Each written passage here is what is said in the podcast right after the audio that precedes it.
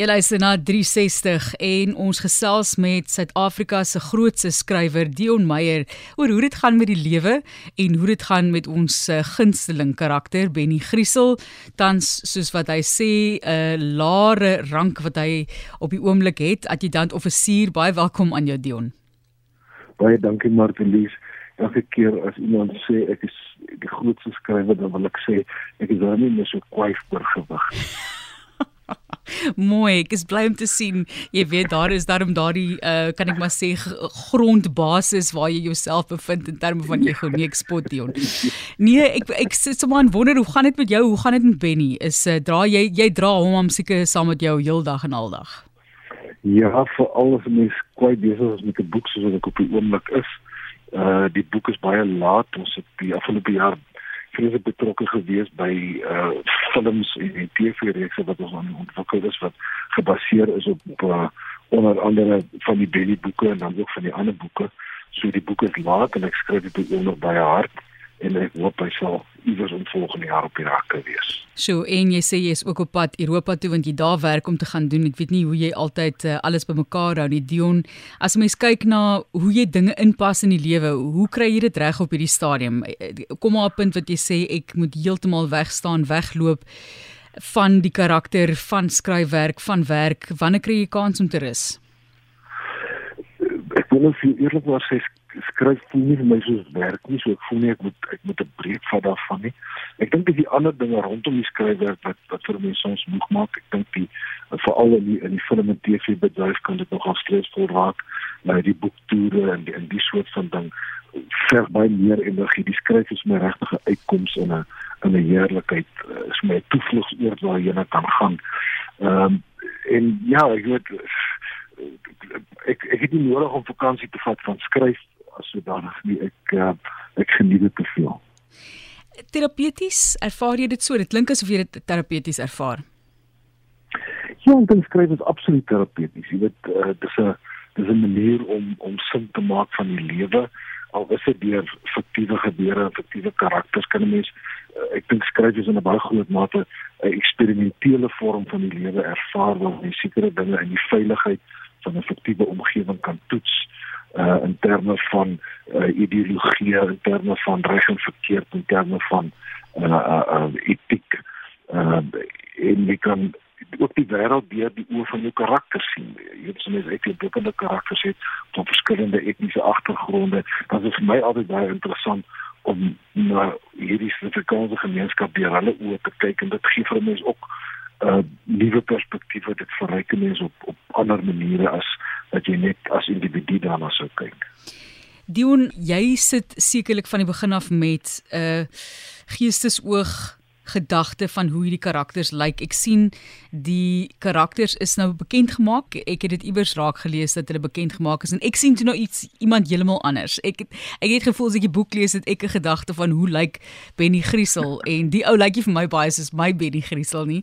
Hoe ervaar jy daardie proses en en is dit ook maar baie keer jy moet maar laat gaan en sê goed, hierdie ouens weet wat hulle doen of het jy nogal groot seggenskap in die visuele aspek nou van wat van jou geskrewe werk gemaak word?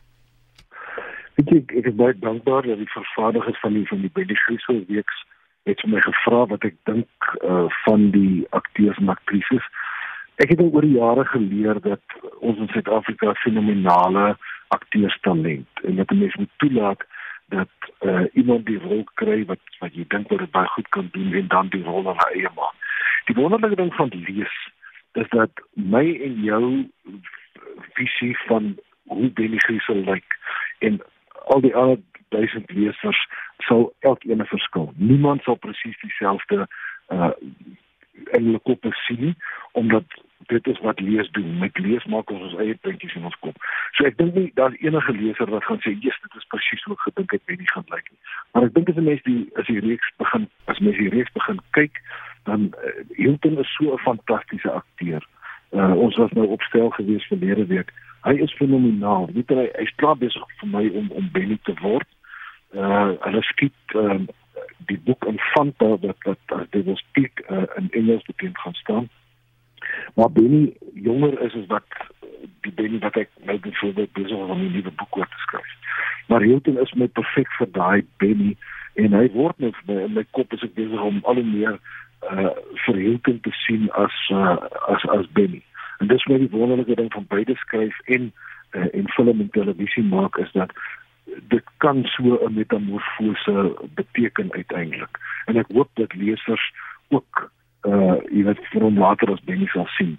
Die ding wat ek myself dit net aan herinner is dat hoewel daar 'n klomp mense is wat die boeke gelees het, is daar nog honderde duisende daar buite en ook in die in die buiteland hierdie gaan ook 'n BBC reeks wees wat nog nooit een van my boeke gelees het nie. En vir my is dit baie belangriker dat ons baie goeie televisie reeks maak uh wat mense wat nog nie die boeke gelees het nie sal aanspoor om dit te lees as wat 'n mens van die standpunt af uitgaan dat jy ten eerste die lesers moet gelukkig maak in terme van wie jy in die rolle sit en hoe jy die die die uh adaptation die die verwerking van van die boek na daai boek te doen.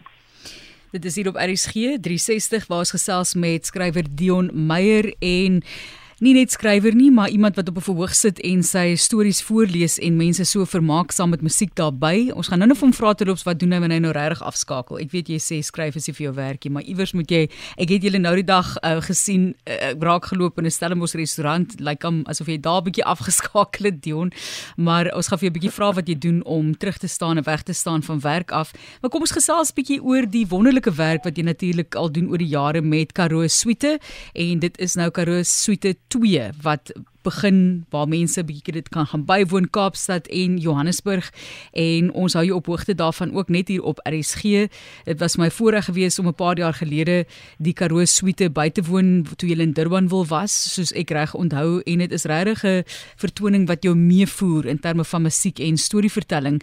Dit was 'n moeilike proses om Karoo Suite 2 na vore te bring en dit te, te vervaardig. Ja, dit was ek dink die groot uitdaging was ons het uh, die druk gevoel van die sukses van van die eerste konsertreeks. Uh selfs die eerste konsertreeks was 'n groot wagte geweest. Dit was alles in Koenie se kop, Koenie de Villiers wat die konsep in sy kop gehad het en uh ek het dit aanvanklik nie eers mooi verstaan nie en toe ek dit verstaan en en my storieetjies vir hom stuur het ek baie min vertroue gehad dat dit sou werk. Ek kon nie dink dat gehore sal kom en geld betaal om om dat dit alles te luister nie. En toe hoor ek Koenie se ongelooflike musiek wat hy daarbey geskryf het en toe toe begin ek hoop, maar ons was ek dink altyd verstom gewees dat gehore dit regtig waardeer het. En as ons dan 'n tweede reeks en was weer Koenie se idee kom ons doen 'n tweede reeks. Ek was baie benoud. Ek het nie geweet het ek nog genoeg Karoo stories want die oor die eerste Karoo suite was almal ware stories oor regte mense wat ek in die Karoo leer ken het uh, ons het baie lank 'n huis in Blackstone gehad ek en Marianne en uh so baie wonderlike mense en stories ontmoet. En ek het die soort van die bestes vir Karoo Suite 1 gebruik en toe kon jy nou die die druk die ekstra druk bring van 'n van 'n tweede Karoo Suite 2 wat ons Karoo Nagte noem. Dit ek die druk gevoel en en mens wil dieselfde standaard of beter doen maar uh Koenie is so geduldig en hy's so inspirerend dat ek op die ou end toe met nog 'n klompie stories voor 'n dag gekom het En ons het dit nog net een keer kon opvoer, dit was net voor Covid by die laaste uh, woordfees hier in Stellenbosch. En toe kom Covid en ons kom vir 2 jaar glad nie uh die die opvoerings doen nie. So dis nou die eerste keer wat ons teruggaan met Karoo Suite twee Karoo nagte om om weer dit vir gehore aan te bied. Wat kan mense verwag Dion so om die ander karakters wat jy aan werk op sy te stoot en te sê jy skryf spesifiek stories en verhale wat mense gaan meevoer met hierdie musiek en die samewerking tussen jou en Koenie. Wat kan mense verwag wat lê vir hulle voor? Ons probeer om 'n baie sensoriese ervaring te maak. Ons het die voorreg om Marita Cotton hulle se ongelooflike Karoo nagfotografie uh, as agtergrond te gebruik. Natuurlik Koenie wat saam met Maurits Lot sorg vir die musiek En ek dink regtig Koenie se musiek is verruklik. Dit is amper soos soos rolprent musiek, dis soos tema musiek vir 'n rolprent terwyl ek die stories lees en ek dink die die musiek uh bring 'n groot emosionaliteit na die stories. Toe die stories is, soos ek sê, dis regte egte stories uit die Karoo uit. Daar selfs uh ene wat mense gaan wonder maar kan dit waar wees? Uh, maar is ook gebaseer op 'n werklike geval hier in die dink die laat jare 50 iets wat in die Karoo gebeur het. Uh so dis 'n dis 'n ervaring van van stories van musiek van van visuele materiaal wat hopelik vir mense sal terugvoer na hierdie wonderlike Karoo wêreld en en sy een voet en een fout en sy en sy verskriklike mooi uh, sterre uitspansel en so voort. Dit dan Karoo Suite 2, dis van 1 tot 12 November in Kaapstad en van 16 tot 27 November in Johannesburg. So ons ondersteun natuurlik hierdie geleentheid ook vir mense om julle weer te geniet. Daar's ander datums waar dit ook plaasvind. So ons gaan vir julle op hoogte hou daarvan net hier op RSG. Ons sien baie uit daarna om die Karoo Suite 2 met jou te geniet. Dion, sterkte vir die tyd wat ook vir jou voorlê. Ek wil net gou vinnig vir jou vra dan die man wat gebore is in die Parel, daar Klerksdorp gematrikuleer het, op Pot studeer het en dit is interessant dat jy Engels Engels en geskiedenis studeer het. Dion, skryf jy in Engels of skryf jy in Afrikaans wanneer jy vir die eerste keer skryf of wissel dit tussen die twee? Nee, ek skryf net in Afrikaans. Okay. Dis my moedertaal. Dit jy beskryf as moeilik genoeg in 'n mens se moedertaal om dit in 'n tweede taal te gaan probeer doen gaan nog veel moeiliker wees. So en ek is te lief vir Afrikaans om enige ander taal te skryf. Mooi. Nee, ek het tog al gewonder toe jy nou Engels studeer, baie keer is mense kan ek maar sê formele Engels dan op daai vlak bietjie beter, jy weet, as jy hom studeer het, maar die onlaastens dan die afskakel. Hoe skakel jy af? Jong, ek en Marian het uh, so 'n klompie maande gelede begin golf speel, maar ons ry op by bergfiets. Ons hou van stap, ons hou van fliek, ons luister graag musiek. En dan eh, die kinders, ons het uh, ses kinders tussen ons. Hulle hou vir ons besig. Ons het al uh, een klein kind en uh, ons geniet die kinders verskriklik. So dis 'n baie groot vorm van afskakeling vir ons albei. Die kinders eet gewoonlik oor die naweek hier. Uh, die wat nog in die land is en uh, ek dink dis ons grootste afskakeling uitkom. En jy is binnekort op pad Europa toe. Mag jy sê wat jy alles daar gaan doen? Ja, nee, ek uh, ek is baie bevoorreg om uh, gas te wees by die Göteborg uh, boekfees in Swede. Uh, dan gaan ons by Jon toe in Frankryk vir 'n boekfees, dan na Po in Frankryk vir nog 'n misdaadfiksiefees en dan Toulouse uh, ook vir 'n misdaadfiksiefees. Uh, en dan moet ons om so twee weke saam met ons kleinkind in Italië deur te gaan. Klink omtrent idillies, maar harde werk. Sê vir jou sterkte Dion.